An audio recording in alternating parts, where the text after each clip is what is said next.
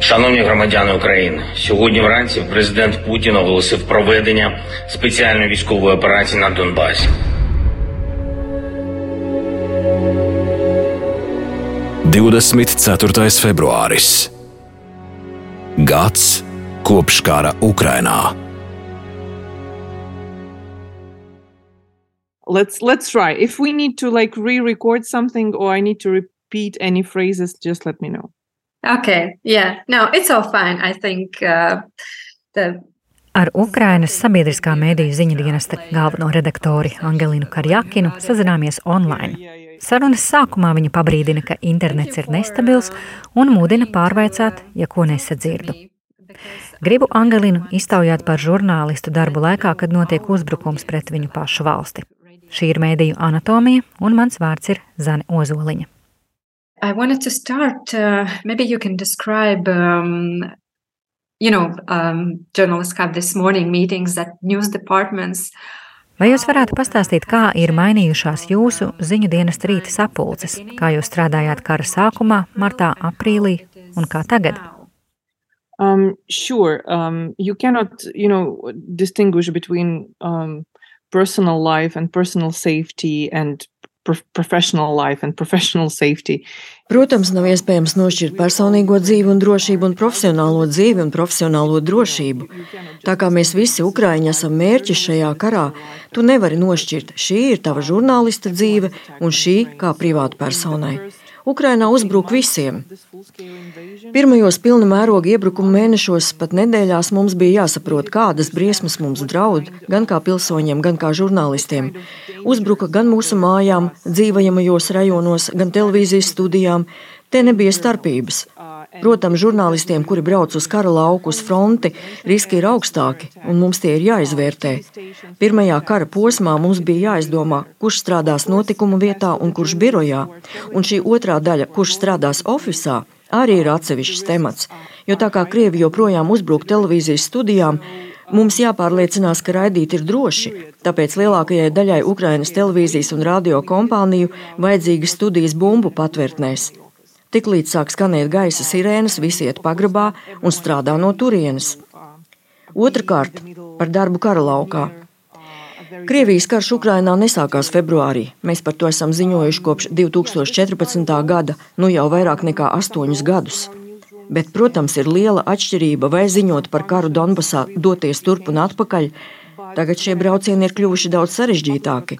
Tagad, dodoties uz frontes līniju, nepietiek tikai ar savu tehniku.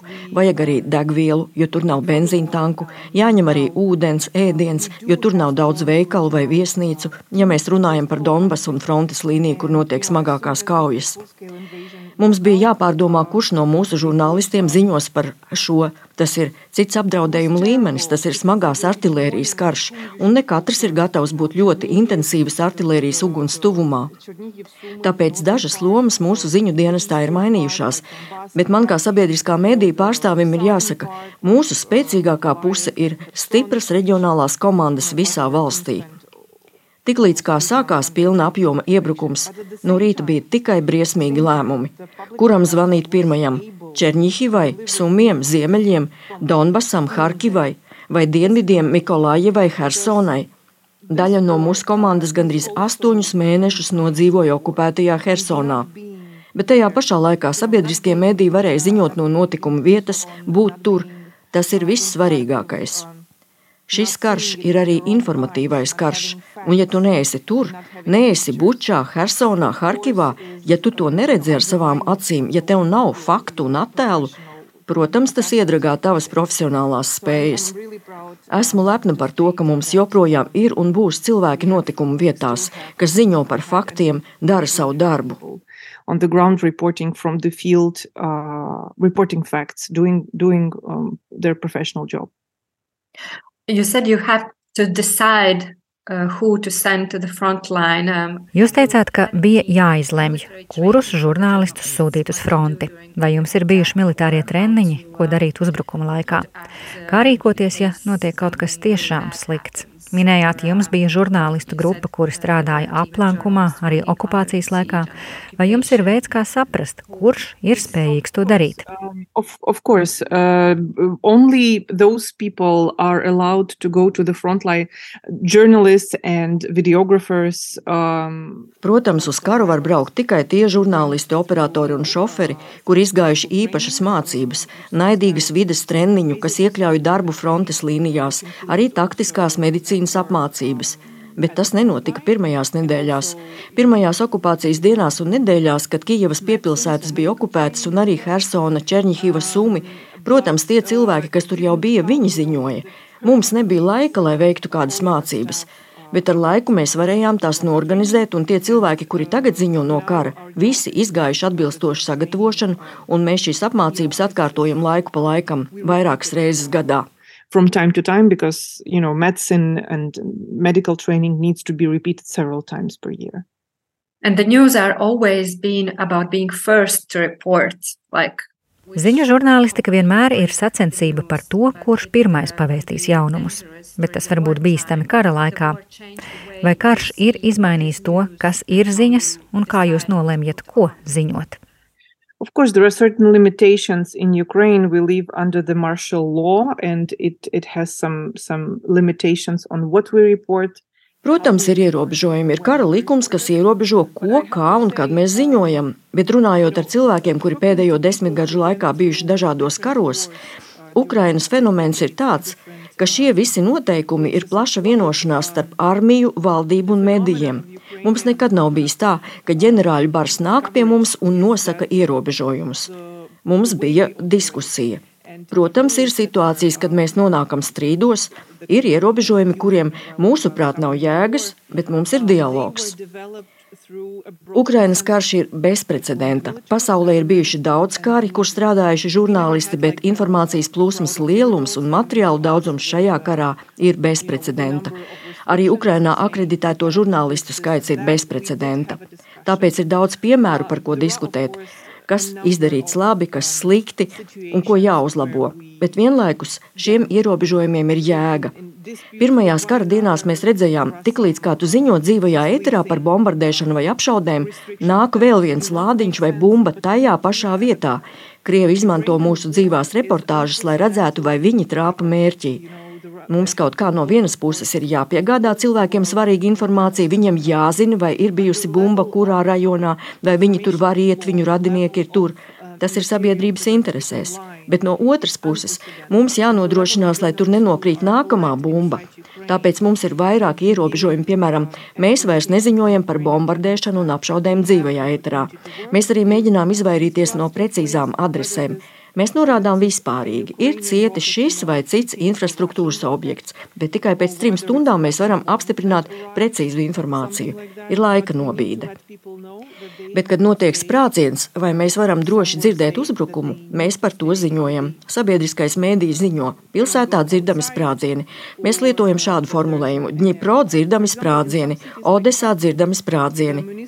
Ļoti bieži mēs nezinām, kur šie sprādzieni notiek. Vai tā ir Ukraiņu raķete vai Krievu raķete raķete vai krievu bumba, bet mums jāziņo cilvēkiem, ka viņiem ir jāpaliek drošībā.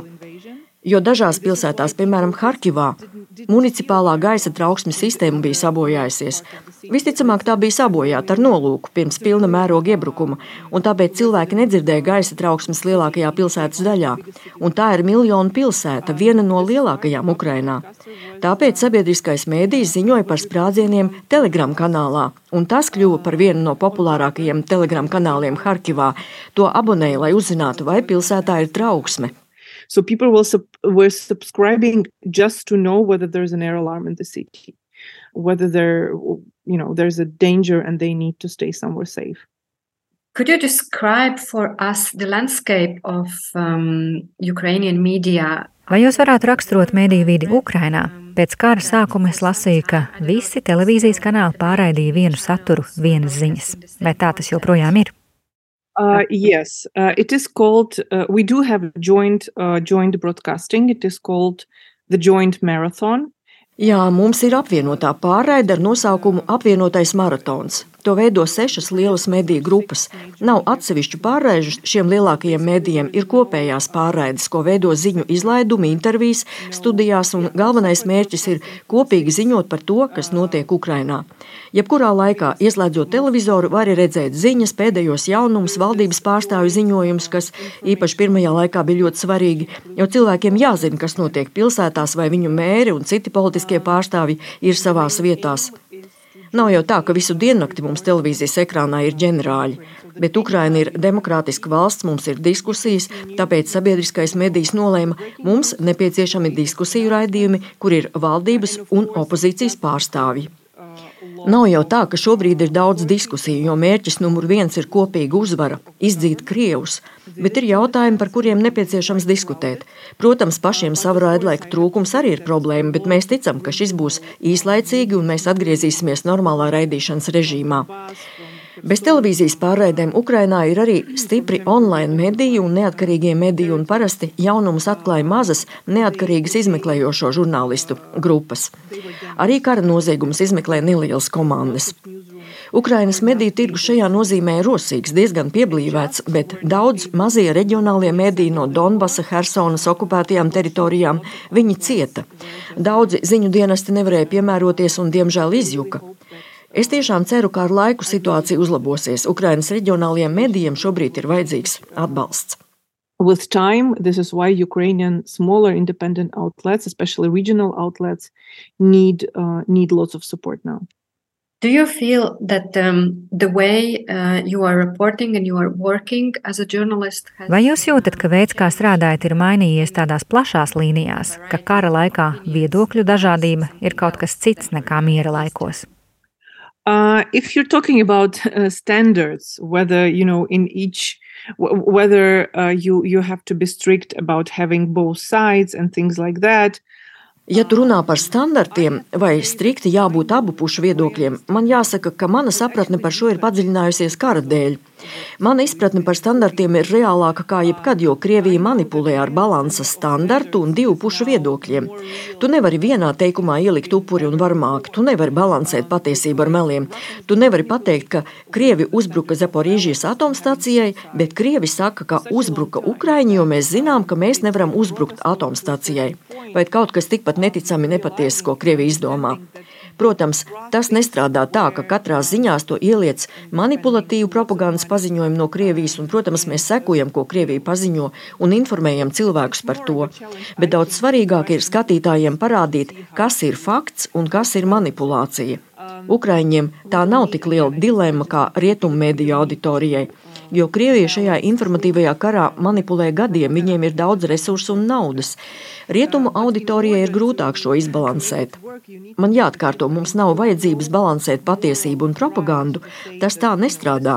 Bet, lai tas strādātu, tev jābūt notikumu vietā. Tev nav morāla tiesība ziņot, re, to saka Ukraiņi, un tas ir patiesība, jo mums patīk Ukraina, un šis ir tas, ko saka Krievija, bet tā ir bijusi vardarbīga propagandistiska valsts jau gadiem. Nē, tev jābūt šeit, jāredz savām acīm, lai tev būtu morālas tiesības pateikt, kas noticis. To say this is this is what happened. This is what we have uh, what we have witnessed. Do you still feel the impact of Russian propaganda in Ukraine? Vai jūs vēl jūtat krievu propagandu Ukrainā? Jautāju, jo zinu vienu bēgļu ģimeni no Mariupoles te Latvijā, un viena šīs ģimenes locekle pēc diviem mēnešiem devās atpakaļ uz okupēto Mariupoli, jo viņa drīzāk uzticējās Krievijas mēdījiem, kamēr pārējā ģimene ar viņu strīdējās. Esmu pārsteigta, ka Latvijā propagandas mēdīji viņu sasniedza. Kā tas ir Ukrainā? You need to understand that Mariupol is a special place. Mariupol has been occupied since April. Tev jāsaprot, ka Mariupola ir īpaša vieta. Tā ir okupēta kopš aprīļa, un tur nav pieejami citi mēdīji, kā tikai Krievijas. Cilvēki burtiski nesaņem informāciju. Mariupolas ielenkuma laikā cilvēkiem vispār nebija informācijas. Krievi, kas iegāja pilsētā, stāstīja Mariupolas iedzīvotājiem, ka visa Ukraina ir okupēta, ka nav Odesas, nav Kijevas. Kā atceras cilvēki no Mariupolas terora līmenis, ko viņi jūta bez jebkādas informācijas, dzirdot no Krieviem, ka nav vairs tādas valsts valsts Ukrainas vairs nav, un mums jāpieņem šī realitāte un jāsadzīvo ar to mierā, tas bija šausminoši. Viens no pirmajiem soļiem, ko Krievi izdarīja, ieejot Mariupolē, viņi atsūtīja milzu televīzijas ekrānus, kas tika nolikti galvenajā laukumā, starp citu arī blakus drāmas teātrim, kas tika sabumbots, nogalinot simtiem cilvēku. Viņi atveda būsiņus, kuros varēja uzlādēt telefonus, tur pulcējās cilvēki, un šajās vietās stāvēja televīzijas ekrāni, kuros varēja dzirdēt briesmu lietas. Mariupola, Ziemeļdoņetska, citās uz laiku okupētās vietās, tur nav citas informācijas, un tas tiešām strādā. Cilvēki sāk šaubīties. Tas ir sarežģīti, bet tiešām strādā.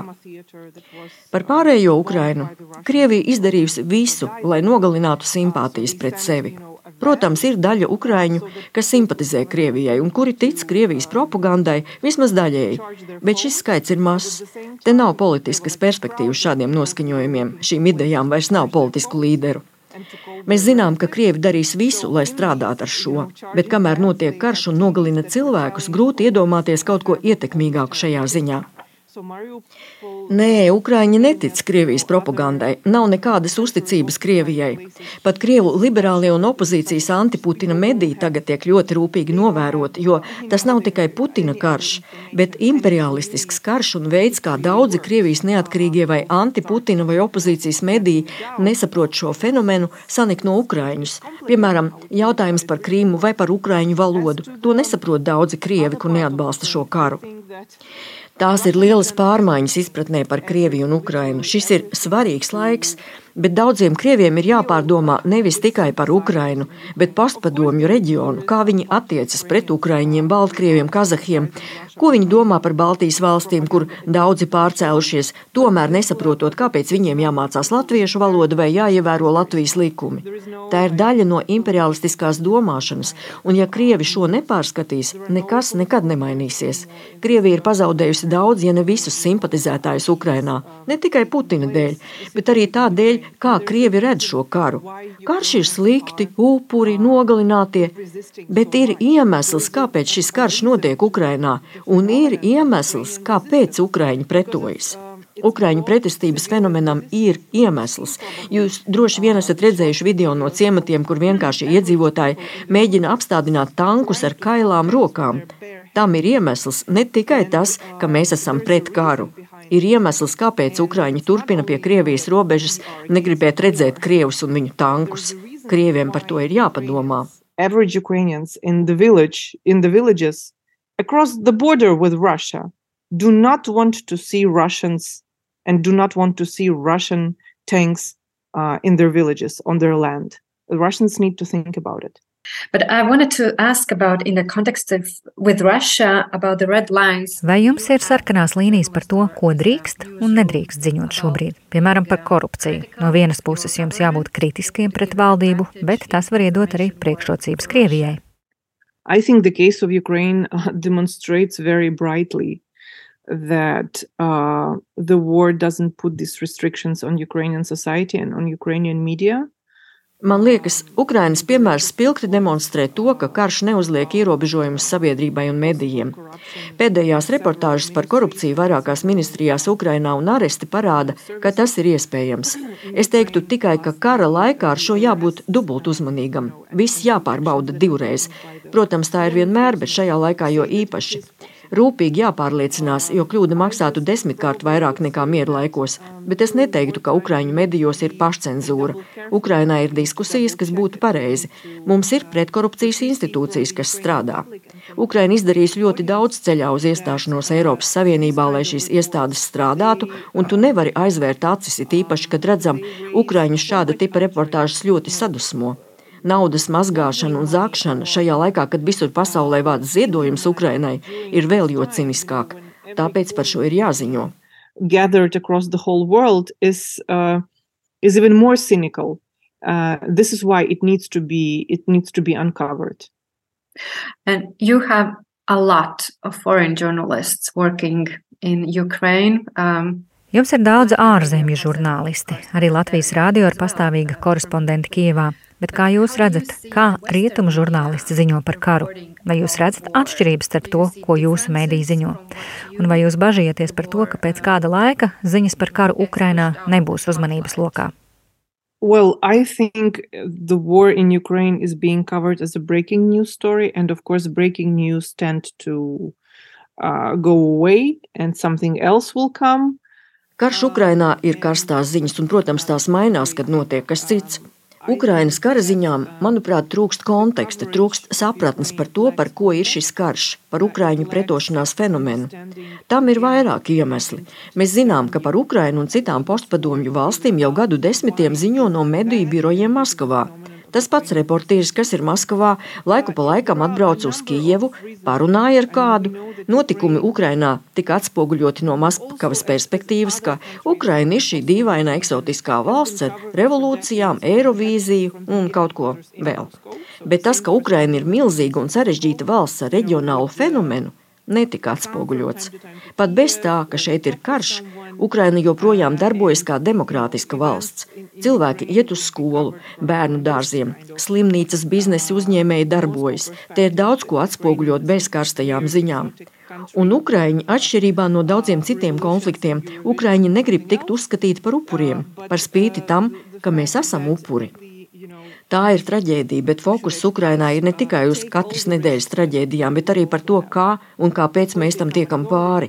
Šīs stāsta daļas pietrūkst rietumu mēdījos, bet tajā pašā laikā man jāsaka, ārvalstu žurnālisti dara lielisku darbu, uzņemas tos pašus riskus. Protams, viņiem ir iespēja aizbraukt, mums jāpaliek, bet mēs zinām, ka dzīvojam jaunā normālībā.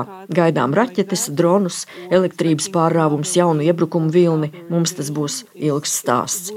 Tā mēs tagad dzīvojam, mums tas jāpieņem un jādzīvo. Tā trūkst ārvalstu mediju darbā. We need to like take this reality and um, get around it. So yeah, this is this is what I think this coverage lacks.